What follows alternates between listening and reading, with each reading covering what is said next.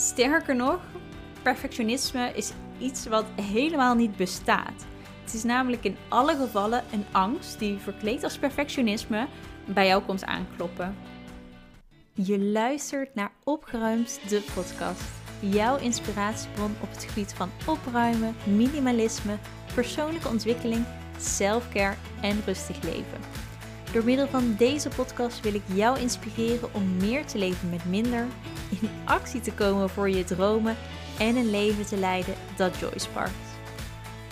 Heel veel luisterplezier.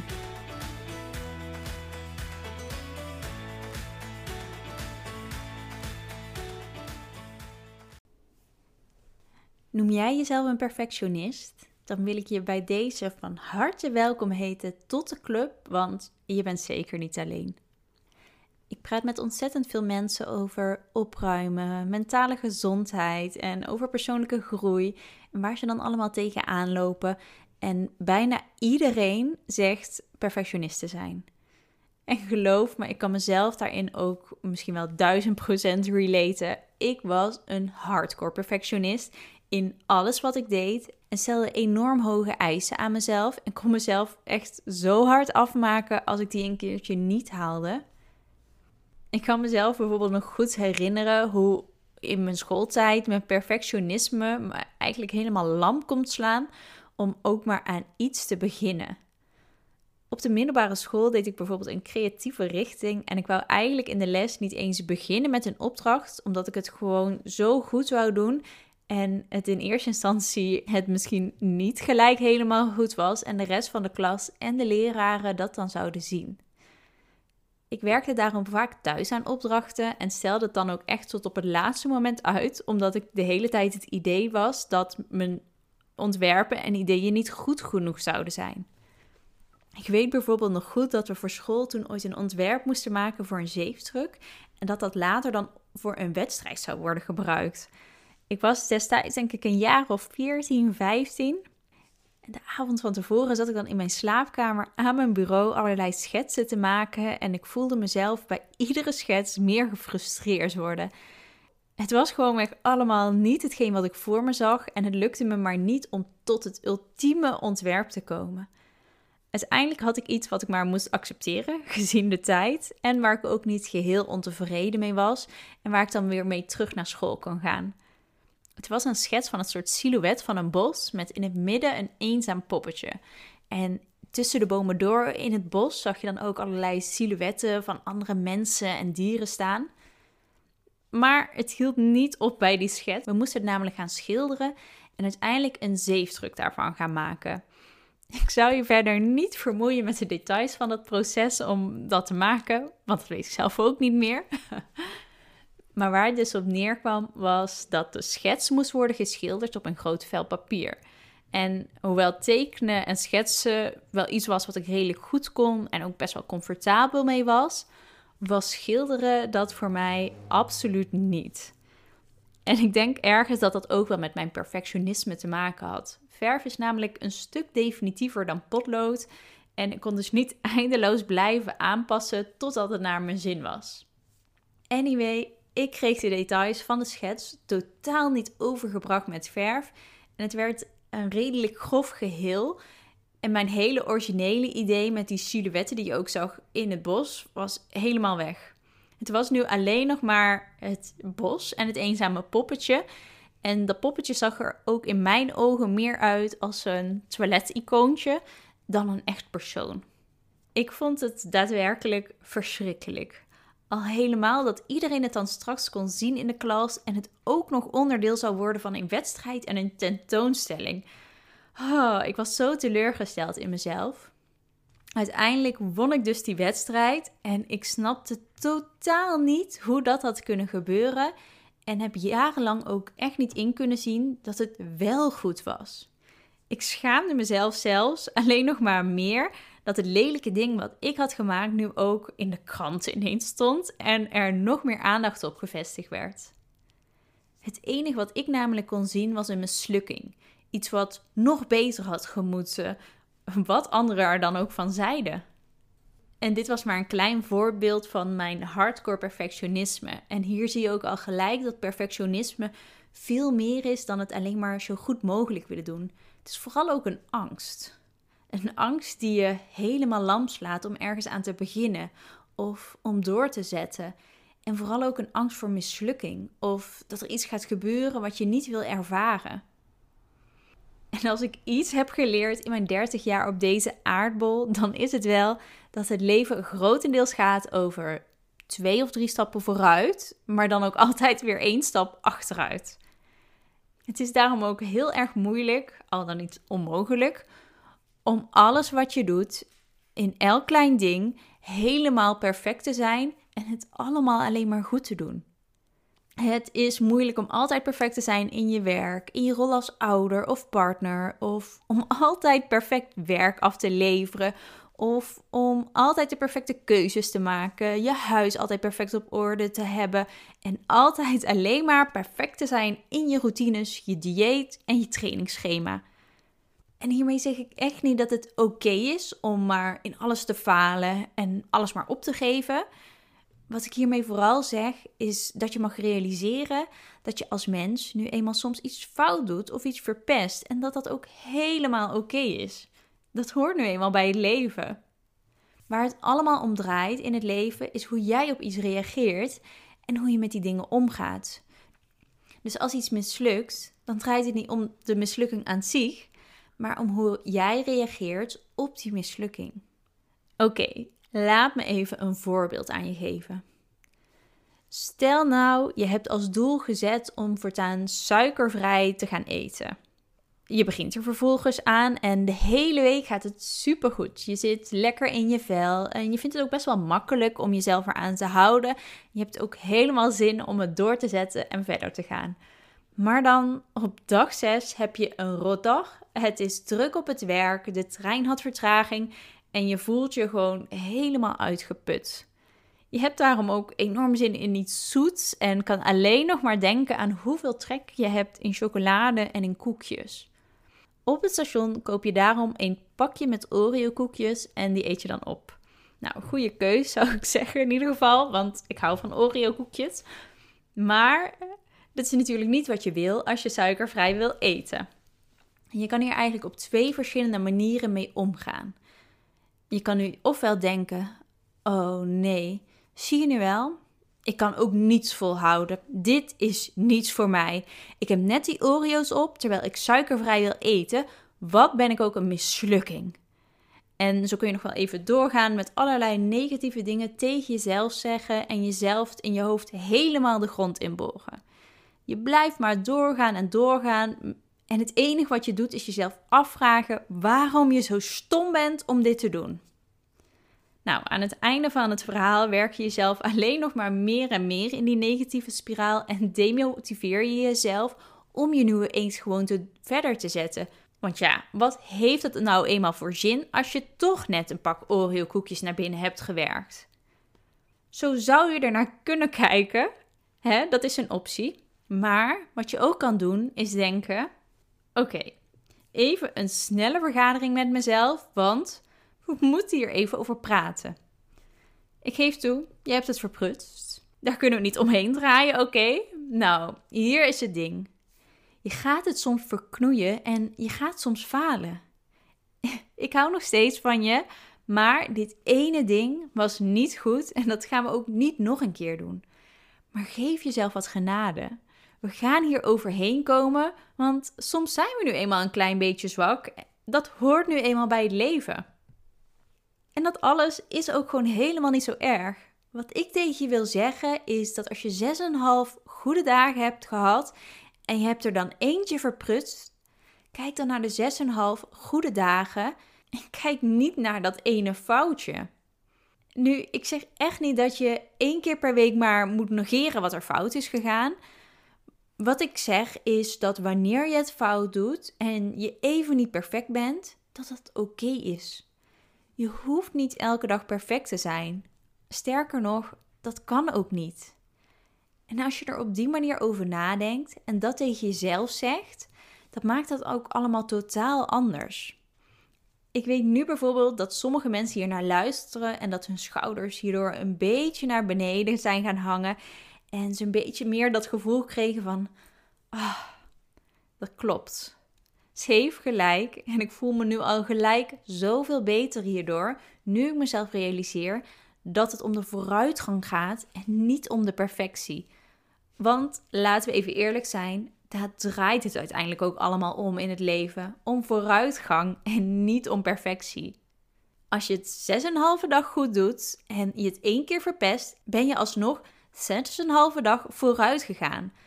En gooien we daar nou even een rekensommetje op los, heb je zes en een halve stap vooruit gedaan en maar één terug. Dat is alsnog vijf en een halve stap vooruit. En dat is toch gewoon supergoed. En zonder dat dingen soms misgaan, is er ook geen vooruitgang.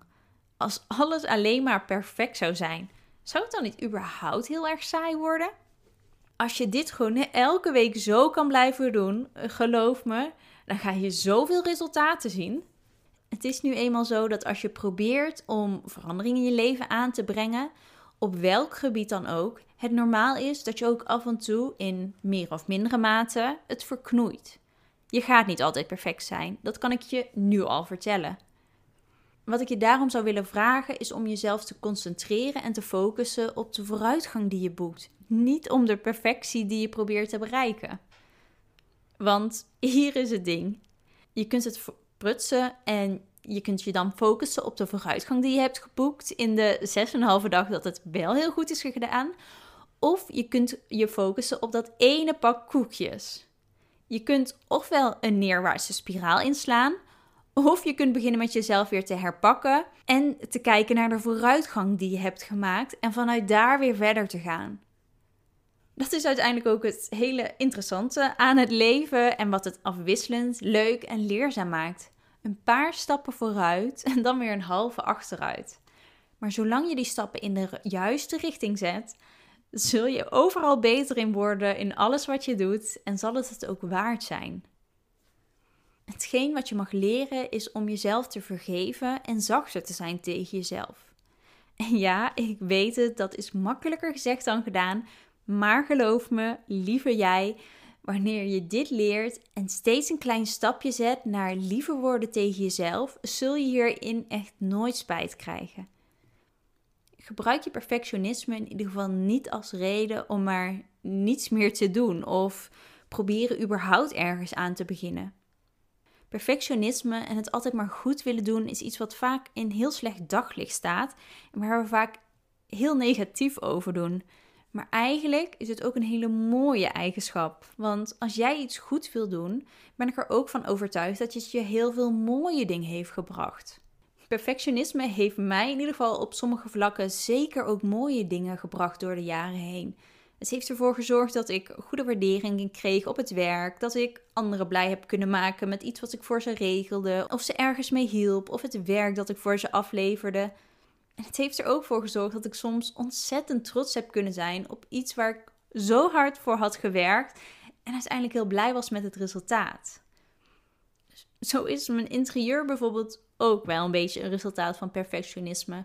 Ik wou gewoon een hele fijne en mooie plek voor mezelf maken waar ik mezelf helemaal thuis voelde. En ik heb er aardig wat moeite in zitten om op zoek te gaan naar de mooiste spullen en de perfecte kleuren. En misschien had ik daar wat minder zwaar aan kunnen trekken, maar het heeft me destijds niet totaal uitgeput en ik geniet ook nog dagelijks echt intens van het resultaat. Zodra ik ochtends de trap afloop en mijn woonkamer zie en bijvoorbeeld op de bank ga zitten met een kop koffie, voel ik die rust en tevredenheid over me heen komen. Gewoon weg omdat ik mezelf hier zo thuis voel. Dus in dat geval heeft perfectionisme me bijvoorbeeld ook iets heel positiefs opgeleverd. En uiteindelijk geloof ik ook dat ieder gedrag een positieve intentie heeft. Dat dus ook perfectionisme eigenlijk stiekem ook iets moois is. Dat het eigenlijk alleen maar goed voor jou wil doen. Maar wanneer het niet meer goed is, is wanneer het je tegen gaat werken. Wanneer het je uitput, wanneer het je tegenhoudt in hetgeen dat je graag wil doen en het leven dat je graag wilt leven. Of wanneer je daardoor zo hard tegen jezelf bent dat het je compleet lamp slaat.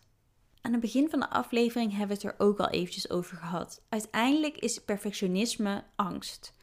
Sterker nog, perfectionisme is iets wat helemaal niet bestaat.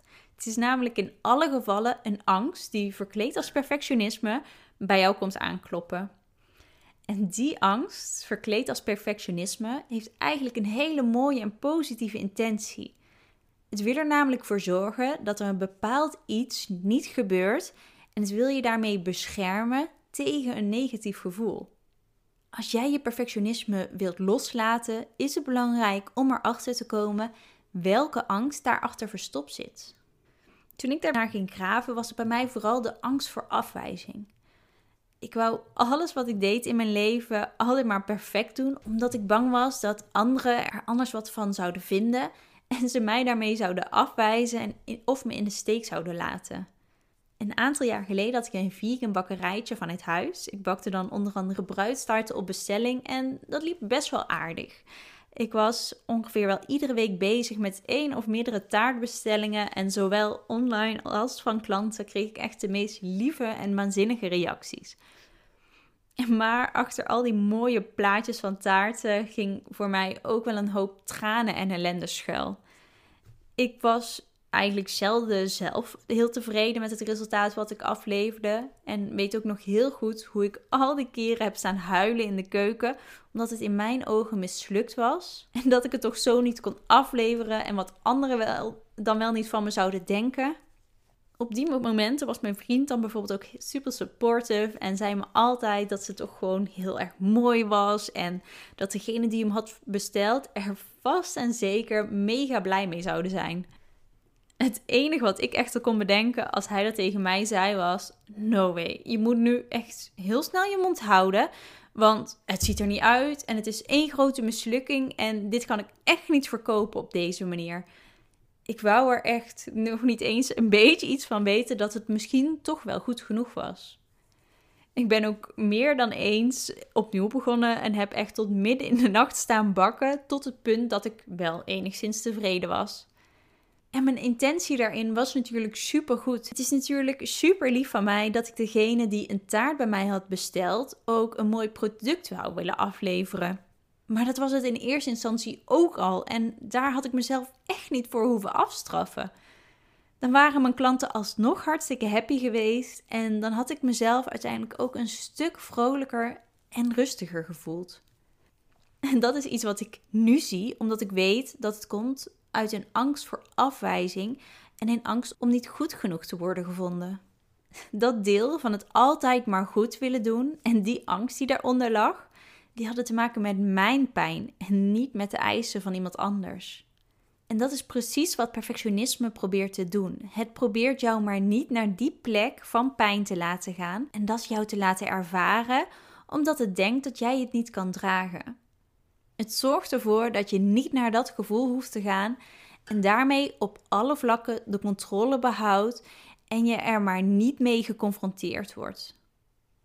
En dat is natuurlijk iets heel positiefs, maar vaak is het niet nodig en zit het ons juist meer in de weg dan dat het ons helpt. Dat soort angsten die daaronder zitten, die komen vaak voort uit een bepaalde overtuiging die je hebt over jezelf of de wereld en die je al in je jongere jaren hebt opgelopen. Misschien heeft iemand vroeger iets tegen je gezegd, bijvoorbeeld, of is er iets gebeurd waardoor je nu die angst en die overtuiging hebt ontwikkeld. En zodra je dat kan gaan inzien, dat er iets onder zit, kun je er ook iets mee gaan doen en het stapje voor stapje gaan loslaten. En kun je er ook op een heel andere manier over gaan nadenken en naar gaan kijken doordat ik er bijvoorbeeld achter kwam dat ik zelf vooral bang was voor afwijzing, was dat echt wel even in my face. En echt iets waar ik over moest nadenken. Over hoe ik zelf met die pijn omging en wat ik daarin nog te helen had. Ik heb dat moment uiteindelijk aangegrepen om daarin te groeien. Want als je dit inziet en weet van jezelf, kun je, als je even het gevoel hebt dat je perfectionisme opspeelt, even een stapje terugzetten en het van een afstandje bekijken en jezelf afvragen: waar komt dit nu eigenlijk vandaan? En is het wel nodig dat ik dit nu doe? Stel, je bent bijvoorbeeld al uren met iets bezig en draait er helemaal in door, Omdat je het echt zo goed mogelijk wil doen en je merkt dat je enorm streng bent voor jezelf. Neem dan eventjes een pauze om jezelf af te vragen waar je precies bang voor bent en wat er gaat gebeuren als je dit nou niet zou doen en wat je dan gaat voelen op dat moment als iets zo en zo loopt. Als je op die momenten begrijpt dat je niet per se bang bent dat hetgeen waar je mee bezig bent mislukt, maar dat je eigenlijk heel erg bang bent het niet goed te doen en vooral niet goed genoeg te zijn en er misschien niet toe te doen als je dat allemaal doet. En dat als je minder doet, mensen je misschien niet goed genoeg of niet aardig genoeg vinden. Als je dat durft toe te laten, dus die angst om niet goed genoeg te zijn of de angst voor afwijzing of wat daar dan voor jou ook onder ligt, dan is het tijd om daarin liefdevol tegen jezelf te zijn. En jezelf een beetje liefdevol toe te spreken met mooie woorden en gedachten. En jezelf hierin vooral ook gerust te stellen. Want dat is uiteindelijk dé manier om perfectionisme los te laten. Het is echt een soort tegengif als het ware. Dus als jij merkt dat je graag controle hebt en altijd alles perfect wil doen en het heel vervelend, maar dan ook echt heel vervelend vindt als het een keer niet zo is en er echt heel lastig mee om kan gaan als dingen een keertje anders lopen, ga er dan eens een keertje rustig voor zitten. Keer je aandacht naar binnen en onderzoek waar dat bij jou precies vandaan komt. En of dat misschien te maken heeft eh, met je gevoel van eigenwaarde of dat je wel goed genoeg bent en er wel toe doet en mag zijn. En stel jezelf je vervolgens dan ook in gerust door te zeggen: Ja, ik ben goed genoeg. Ik mag er zijn. Ik doe ertoe. Het maakt niet uit wat ik doe, want ik ben goed en ik ben genoeg. Dat zijn woorden en gedachten die jou gaan helpen om steeds meer en beetje bij beetje je perfectionisme los te laten op de momenten dat jij voelt dat het je totaal in bedwang heeft. Deze woorden en zachtheid voor jezelf, plus het inzicht dat het draait om voortgang en niet om perfectie, kunnen ervoor zorgen dat je beetje bij beetje je perfectionisme en de angst om niet goed genoeg te zijn, of welke angst er bij jou dan ook onder ligt, achter je te laten en steeds meer te gaan leven vanuit jezelf en alles wat jij hebt te bieden. En echt, je mag mij hierin zo geloven, want ik ben hier allemaal doorheen gegaan. Het is een heel proces waar je doorheen moet. En misschien zal dat ook niet altijd even makkelijk voor je zijn. Dat was het voor mij in ieder geval niet. Maar je zult merken dat je het steeds sneller en sneller loslaat en het ook steeds sneller plaatsmaakt voor rust en ontspanning in je lijf en in je hoofd. Dus ga voor jezelf eens na de komende dagen waar jij nog heel erg die behoefte voelt om de controle te houden, het allemaal perfect wil doen, of wanneer het idee aan het niet goed doen je helemaal lamp slaat. En kijk eens wat er voor jou onder zit. En blijf op die momenten vooral ook super liefdevol tegen jezelf. Dan weet ik zeker dat je zult merken dat het ontspanning geeft en het steeds makkelijker wordt om naar die rust terug te keren. Vond je deze podcast interessant en wil je de volgende afleveringen niet missen? Abonneer je dan op dit podcastkanaal. Ik zou het heel fijn vinden als je een recensie over deze podcast wilt achterlaten in je favoriete podcast-app, zodat de podcast beter wordt gevonden en ik nog meer mensen mag inspireren om opgeruimd en rustig te leven.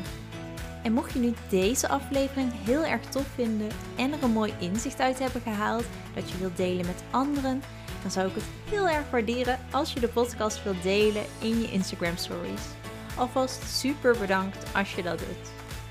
Dit was hem voor vandaag. Ondertussen op de hoogte blijven, volg me dan op Instagram. Doeg!